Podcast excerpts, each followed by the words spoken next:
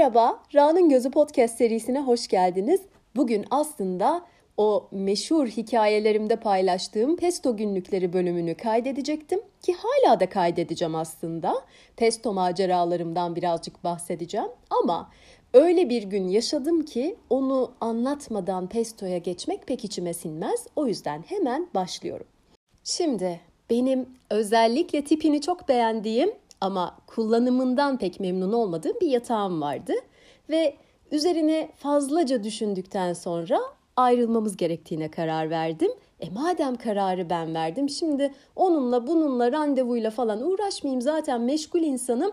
Neden alet çantasını alıp ben bunu parçalara ayırmıyorum ki dedim. Çünkü kırık bir kısmı var onarılması da pek mümkün görünmüyor. O yüzden ayırayım evden bir çıksın belki de başka şekilde değerlendirilir falan diye düşünüyorum. Güzel de bir zaman ayırdım. Ee, bir müzik açtım falan. Çok da insana akışta hissettiren, yaptıkça keyif veren bir aktiviteydi benim için. Çünkü aslında yola şöyle çıkmıştım. Ben yapmaya başlarım. Eğer baktım olmadı ya artık yardım isterim ama çok da güzel bir şekilde tıkı tıkı gitti. Ay tıkı tıkı gitmek de neyse şu an çıktı. Demek ki benim yaptığım aktivite bu kategoriye giriyor. Neyse şimdi o parçaları ayırdıkça şu an tarif edemeyeceğim böyle çubuk gibi kalınca çubuklar gibi dikdörtgen prizma gibi parçalar çıktı. 8 e, tane.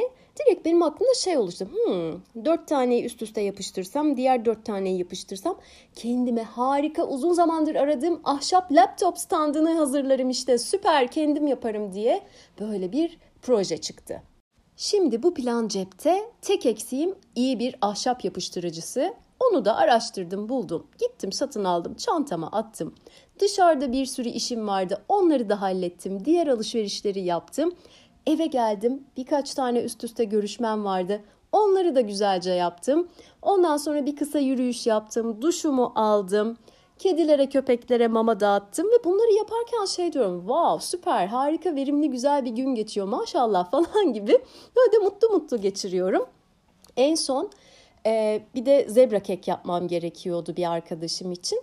Ee, onu da yapmayı çok seviyorum. Çünkü benim için harika bir böyle inziva kampı gibi bir şey o keki yapmak. Çünkü iki ayrı karışım hazırlıyorsun. Bir tanesi işte açık renk, bir tanesi kakaolu.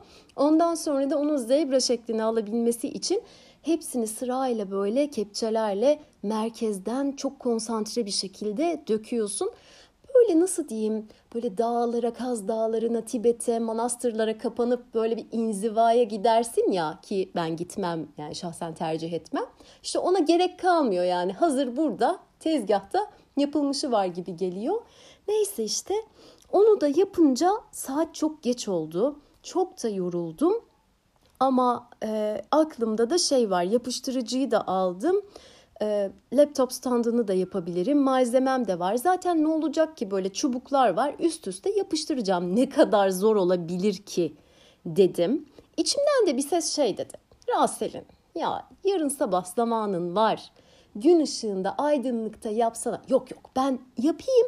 Hatta böyle gece iyice onlar yapışsın. Yarın sabah da ben o standı kullanayım diye e, bir ses ağır bastı. Şimdi öncelikle yapıştırıcıyı çantamdan çıkardım böyle bir minik kutusundan. Arkasında nasıl kullanılacağı dikkat edin şunlara falan yazıyor. Onları da dikkatlice okudum kendimce. Ve şey diyordu yani cildi ve gözü tamamen yapıştırabilir dikkat edin. Ya tam bir kabus gibi bir arka yazı ama zaten öyle olması gerekiyormuş dikkat edelim diye. Ee, işte parçaları koydum kuru ve temizler evet okey. Yapıştırıcıyı kendimce böyle bir sakince açmaya çalışırken ucu böyle bir patladı ve parmaklarımın üstünden yayıldı. Yayıldığı an kurumaya başladı. Parmaklarım birbirine yapıştı. Arkada okuduğum cildi tamamen yapıştırır, gözleri yapıştırır, bilmem ne falan. Yani böyle bütün o kabus iç içe girdi. Panik yaşadım. Hayatımın sonuna kadar her tarafa yapışarak mı yaşayacağım falan gibi bir şey geçti içimden. Önce o panikle yapmamam gerekiyordu ama yani koşarak sabunlamaya çıkarmaya falan çalıştım o yani derimi iyice kapladı. Renk attı. Böyle bembeyaz bir şey oldu. Yani birbirine parmaklarım yapışıyor. Dışarıda da bir şeye dokunsam yapışacak. Ya Google'a bile giremiyorum yani bu durumda nasıl kurtulurum falan filan diye. Önce böyle ellerimi havada tutarak birazcık bekledim. gerçekten de içimden de hem mutsuz oldum hem pişman oldum. Bütün günün enerjisi, güzelliği, harika kabaran zebra kekim. Yani her şey gitti gibi oldu birkaç saniye içinde. Sonra neyse ki kurudular ve parmaklarımı birbirinden nazikçe ayırdı. Ve hemen e, böyle tek tek tırnağımın ucuyla bilgisayara gidip e, işte yapıştırıcı, e, Japon yapıştırıcı elden ciltten nasıl çıkar falan diye bir şeyler yazdım. E, aseton damlatıp ovman gerekiyormuş. Damlat, damlatmak derken yarım kilo döktüm.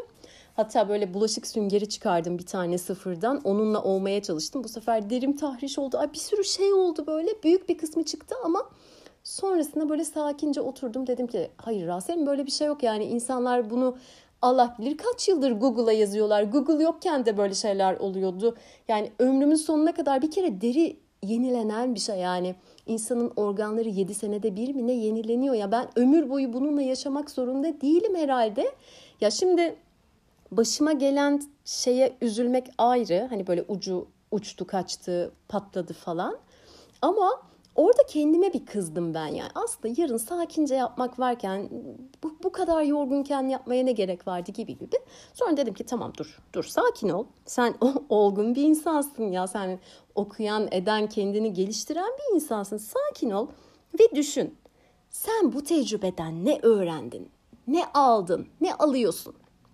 Şunlara karar verdim.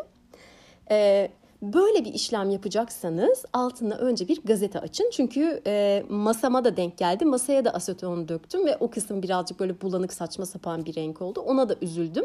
Sonra dedim ki hiç sıkıntı değil. Üstüne bir zımpara atılır, üstüne de bir boya cila geçilir. Yepyeni daha güzel bir masam olabilir. Hadi onu hallettik ama bu notu yani kendime aldım. Böyle bir şey yapacaksan altına gazete aç. Ne olursa olsun eline de birer ameliyat eldiveni geçir. Ne güzel. Yani ameliyat eldiveni olmak zorunda değil. Bulaşık eldiveni de olabilir. Her eldiven yani o deriden iyidir. E, üçüncüsü ve bence en önemlisi çok yoğun bir gün geçirmişsen, çok geç saat olmuşsa, senin gibi böyle zaten uykusu gelen bir insansan yani böyle gece kuşu olmadığım çok net. E yapma yani. Hani ne oldu gece yaptın ne oldu sabaha kadar o standı koyduğunda Zoom'dan böyle atölyeler mi yaptın? Ne oldu? Ama tabii ki kendime e, elimden geldiğince şefkatli yaklaşmaya çalıştım. E, çünkü aslında hiçbir şey boşuna değil. Belki de benim dedim ki yani bu pratikleri içselleştirmem lazım. ne güzel kendimi böyle bir teselli etme seansı.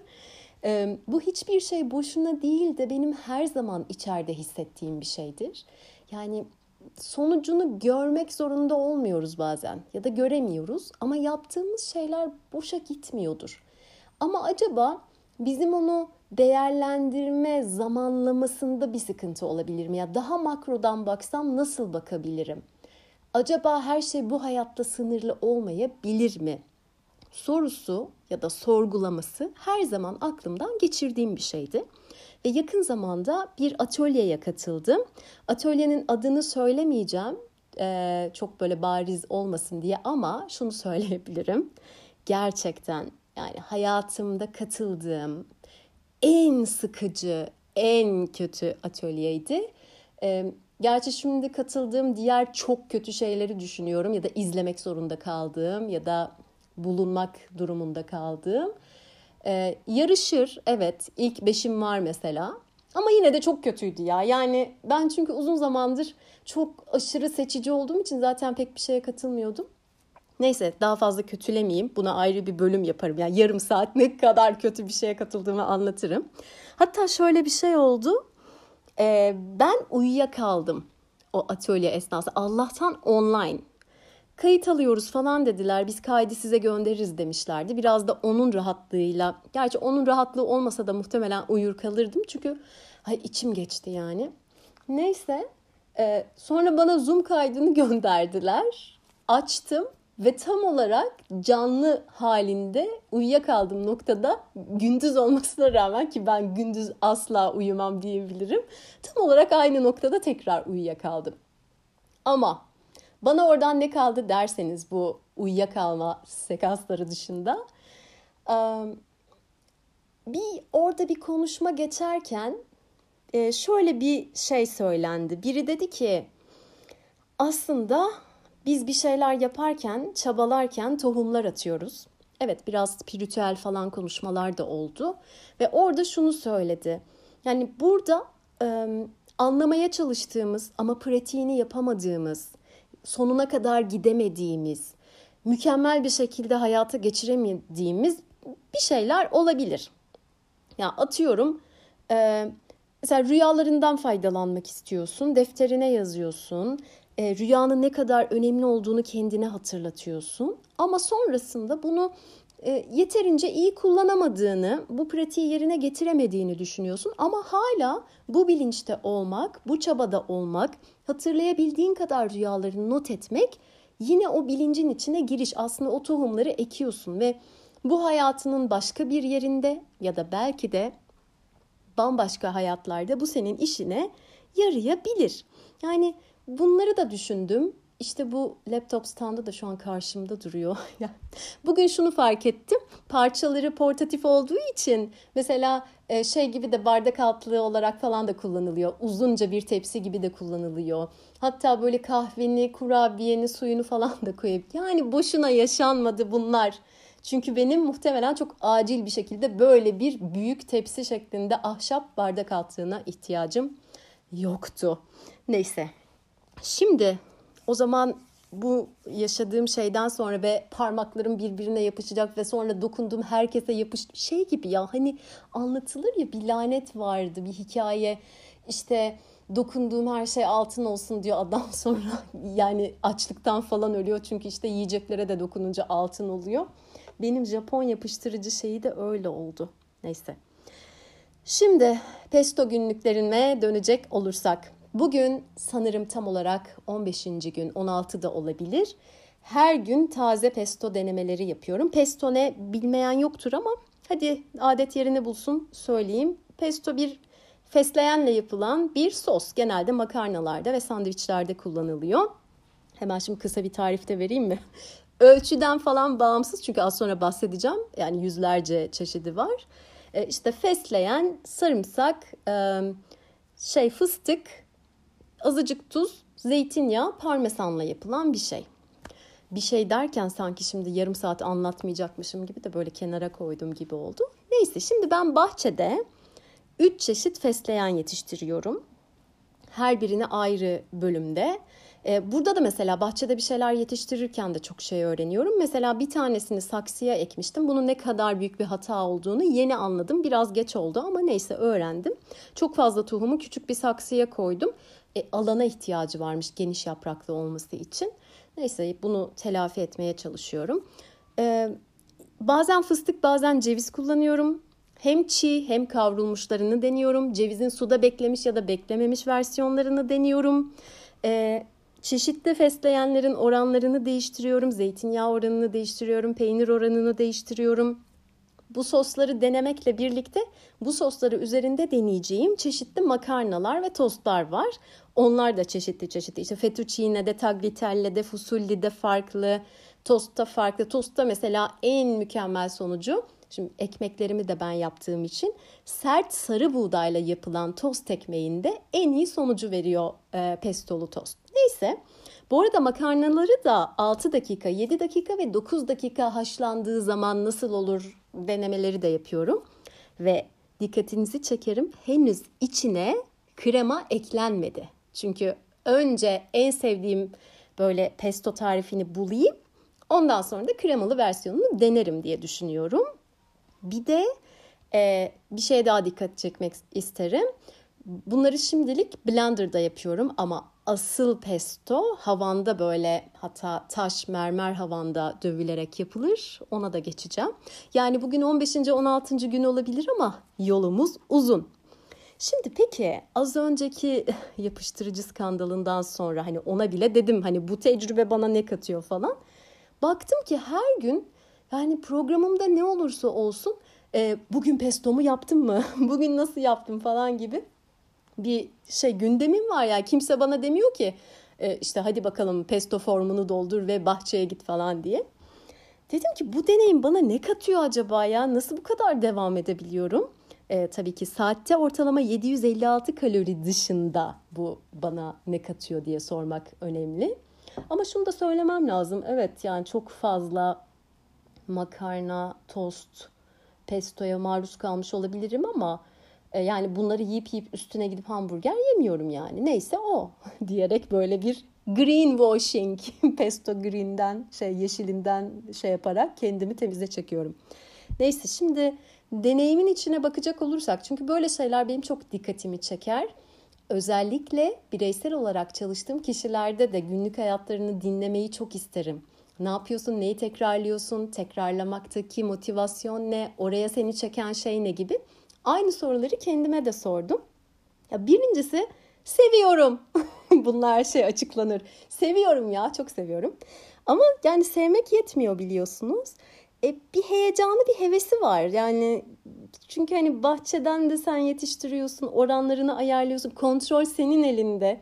Böyle bir orada yaratıcılık üretmek, bir şeyleri kontrol etmek, onu denedim, bunu denedim, şimdi bunu deniyorum diye bir şeyler yaratmak var.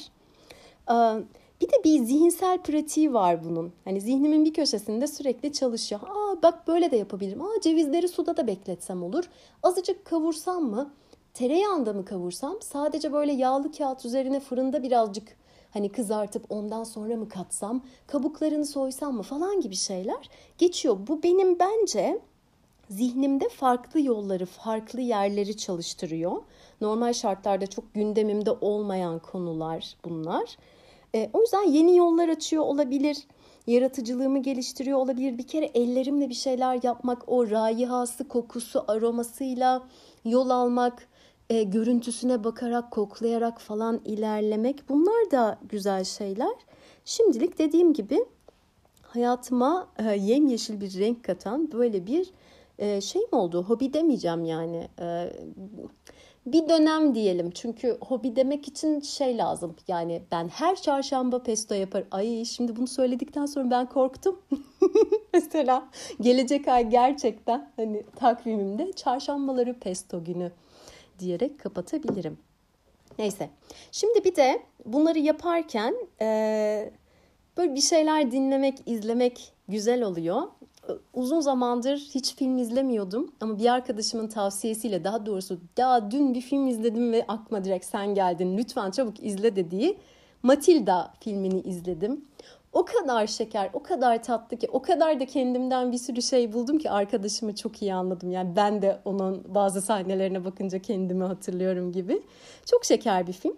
Ee, böyle annesi babası tarafından çok böyle ihmal edilen, çok boş bırakılan, hiçbir şey umursanmayan bir çocuk aslında Matilda. Bunları tabii çok e, karikatürize ederek anlatıyorlar çok abartarak. Oyuncular çok iyi bu konuda. Bir de zorba bir abisi var. Şimdi bana benzeyen kısımları bunlar değil. Çok şükür bu konularda şanslıyım ama şey çok güzel. E, bir kere kitaplara aşık, çok Küçük yaşta okuma yazmayı kendi kendine öğreniyor. Evdeki her şeyi okuyor. Sonra kütüphane diye bir şey keşfediyor. Küçücük haliyle pıtı pıtı pıtı New York'ta kütüphaneye gidiyor, geliyor, gidiyor, geliyor. Orada çok güzel zaman geçiriyor. Kitaplardan kendisine yepyeni bir dünya kuruyor. Yani aslında o evde yaşadığı yalnızlığı kitaplarla dolduruyor. Çünkü zaten öyledir ya aslında okuduğun kitabın yazarı senin arkadaşın oluyor bir yerde ya da içindeki kahramanlar. Onlarla bağ kuruyorsun, yalnız olmadığını hissediyorsun, kendini geliştiriyorsun. Kendi içinde bir böyle üniversite kurmuş gibi bir şey oluyorsun. Hem de işe çok yarar bir üniversite. Ve e, kendisini böyle resmen kat kat inşa ediyor Matilda filmde.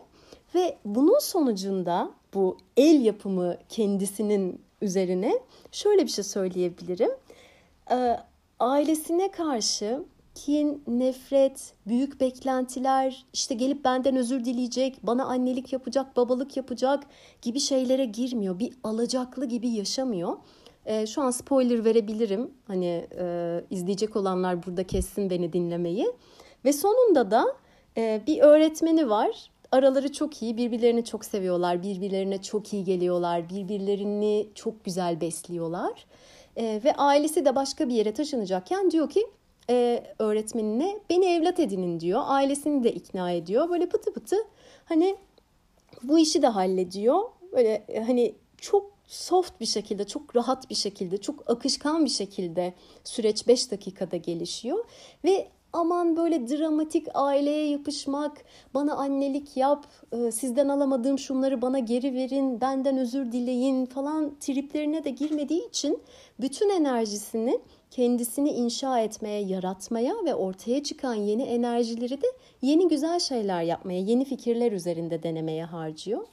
E, bu yüzden de ayrıca hem karakteri hem filmi çok sevdim.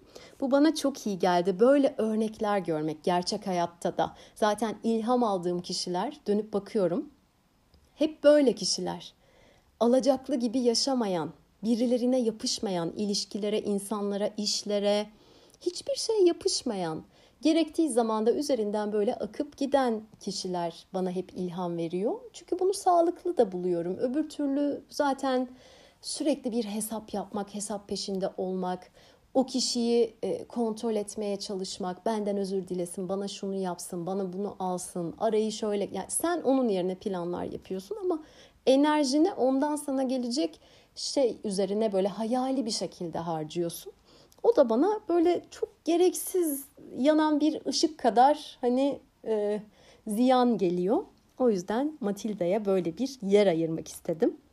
Ve son olarak madem e, kendimce boşa gitmeyen uğraşlarım ve zihinsel aktivitelerimden bahsetmişken şimdi benim bir delikli ayakkabı e, konum var.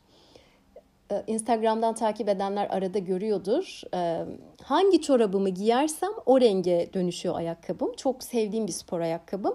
E, perdiş perde aslında adı. Çok sevdiğim bir bahçedeki kedi. İki patisiyle alttan ve dışarıdan girerek ayakkabı daha yeni sayılacağı bir zamanda deldi. Ve çok aslında estetik delik açtı. Yani ben makasla o kadar iyi yapamazdım. Ve böyle o delince başka yerleriyle de oynamış tabii tırnaklarıyla falan. Ayakkabı kendini böyle bir bıraktı etti. Çok da ben ısrarla giydiğim için ve yürüyüşlerimde onu giymeyi çok sevdiğim için e, böyle ayağımda gerçekten bir parçalanma halinde. Ama ben de ısrarla giyiyorum hatta şey hoşuma bile gidiyor işte pembe çoraplar giyiyorum o deliklerden pembeler görünüyor falan ama yakın zamanda şey oldu böyle üstü artık soyulmaya falan başladı. Tamam hatırası var, perdişin üzerinde emeği var falan ama dedim ki ya Rasin hani artık yürüyüşte yapıyorsun. Yürüyüş için önemli böyle şeyler. Yani normalde 5-10 dakikalık bir şey için giyersin, araba kullanırken giyersin. Hani yürüyüşte ayakkabının artık bir sağlığı da önemli.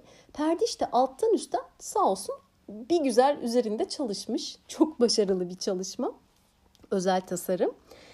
Ee, ya neden bu ayakkabıdan ayrılamıyorsun? Yani hayatında ilk defa bir ayakkabı eskitmiyorsun. Yani ne oluyor falan diye bakınca da birdenbire bir zaman tüneline girdim. Ee, ben bu ayakkabıyı San Francisco'dan almıştım. Üstelik şöyle bir şey olmuştu. Ben bu ayakkabının markasının kendi mağazasında beğenmiştim. Ee, ve böyle denedim, ayağımda baktım falan derken bir böyle içime sinmedi. Hem beğendim hem sinmedi çünkü ne bileyim sanki fiyatına değmezmiş gibi gelmişti. Fazla mı pahalı acaba falan gibi. Böyle bir kafamda bir hesap döndü. Ama beğenmiştim de. Şöyle bir şey düşündüm. Hani bir karar verince üzerine yatın falan derler ya ama ben ertesi gün San Francisco'dan ayrılacaktım. E, hemen döndüm şey dedim işte kaça kadar açıksınız? Benim zaten akşam o civarda planım var. E, 6 mı dedi 7 mi dedi tam saati hatırlamıyorum. Ben bir düşüneceğim dedim çıktım. Ondan sonra uğramam gereken bir şeyler vardı. Birazcık da yürüyüş yaptım. Gittim sonra bir yerde oturdum bir kahve aldım falan böyle. Arada maillere baktım, kafamı dağıttım. Akşam da o civarda çok sevdiğim bir arkadaşımla e, yemek yiyeceğiz. Hatta Cheesecake Factory'de yiyeceğiz. Buradan da kulaklarını çınlatayım. Beni e, dünyanın en sıkıcı cheesecake'lerini seçen, en kötü cheesecake zevki olan insan olarak bana Oscar vermişliği vardır. Ee, onun yanında, onun tercihleri yanında benim tercih ettiğim her şey zaten çok zevksiz, çok sade, çok düz. Bunun için evden çıkılır mı falan gibi bir sürü yorumuna, yorum diyerek çok kibar e, konuşuyorum şu anda. Maruz kalmışlığım vardır. Neyse. Ben döndüm, dolaştım. Zamanım var diye yolu uzattım. İşte aman kaç adım atmışım biraz daha yürüyeyim falan filan derken paralel caddede e, bir outlet mağazası vardı ve e, benim de çok sevdiğim, arada girip karıştırdığım falan çok böyle güzel markaların ürünleri e, çok çok uygun fiyata yani outlet'in outlet'i denecek fiyata. Yani normalde satış fiyatı 100 dolarsa sen orada 13 dolara, 17 dolara, 12 dolara aynı şeyi bulabiliyorsun. Ve böyle dolanırken reyonların arasında aynı markanın neredeyse beğendiğim ayakkabının aynısı olan bir modelini ve tek kalmış ve sadece benim ayakkabı numaram ve fiyatı böyle bayağı komik bir rakamdı. Tabii ki hemen aldım. Bunları düşündüm ve o gün mesela çok mutlu olmuştum. İyi ki dedim içime sinmedi. Ben biraz bekleyeyim dedim. Üzerine düşüneyim dedim. Sordum kaçta kapatıyorsunuz. Aa bu kadar da zamanım var. Şimdi hemen üstüne atlayıp almayayım. Elimde de kutuyla dolaşmayayım.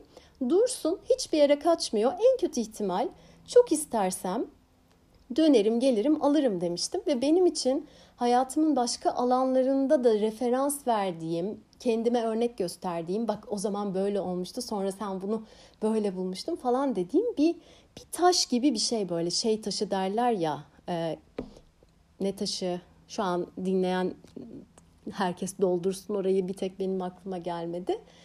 Neyse işte e, ve düşününce neden bu artık delik deşik oldu ayağımda parçalanıyor ama vazgeçmiyorum. Sebebinin bu olduğu geliyor aklıma. Ama şimdi konuştukça mesela şey oldum. O tecrübe bende zaten. Ayakkabının bende durmasıyla bu tecrübenin bende, zihnimde, kalbimde duruyor olmasının bir ilgisi yok. O zaman yani aslında benim ondan artık ayrılmam gerekiyor. Koskoca yataktan böyle dakikalar belki saat süren bir e, işlemle ayrıldım da ayakkabıdan ayrılamıyorum. Evet ben bunu bir düşüneceğim ve e, belki de şöyle bir şey yaparım. Son kez giyerim. Gidip dünyanın en sıkıcı sade New York cheesecake'ini söylerim. Burada da çok güzel yapan, çok sevdiğim bir yer var. Ee, onunla o cheesecake'i yiyip bir kahve içip bu kararımın üzerine minik bir toplantıyla kapanışı da yaparım. Hatta şöyle bir şey yapabilirim. Cheesecake'i yiyip kahveyi de içtikten sonra e, kendime yeni bir ayakkabı alsam o da güzel olabilir. Yani gidenin yerine de böyle bir hoş geldin şeyi olsun. Hoş geldin içinde onun içinde bir dilim daha yerim. Çünkü pestolu makarnalar yeterince kalori yüklemiyor ona karar verdim. Hesapladım 750 kalori açık kalıyormuş. Evet, böylece bu podcast'imi de kendim için plan, program, karar e, aşamasında kullanmış oldum. Podcast zaten bana her açıdan her zaman iyi geliyor ama böyle sesli düşünerek e, spontan bir şekilde bir karara ulaşmak, planımı yapmak da beni şu an çok heyecanlandırdı. Hatta şu an kapattıktan hemen sonra ajandamı açıp bakacağım. İlk boşluk ne zaman? Ben bu planı ne zaman gerçekleştiririm? Acaba şu anda beni bekleyen yeni ayakkabım yani ne renktir, ne yapıyordur onu da merak ettim. Diyerek ben bu bölümü burada bitiriyorum ama son bir söz söylemek isterim yani buradan çıkan ana fikir nedir? Arkadaşlar hiçbir şey boşuna değildir. Üzülmeyin ve bunu ellerini havada tutarak parmakları birbirine yapışmış bir raselin olarak söylüyorum. Öyle hayal edin. O zaman bu bölümü burada bitiriyorum. Sonraki bölümlerde görüşmek üzere. Hoşçakalın.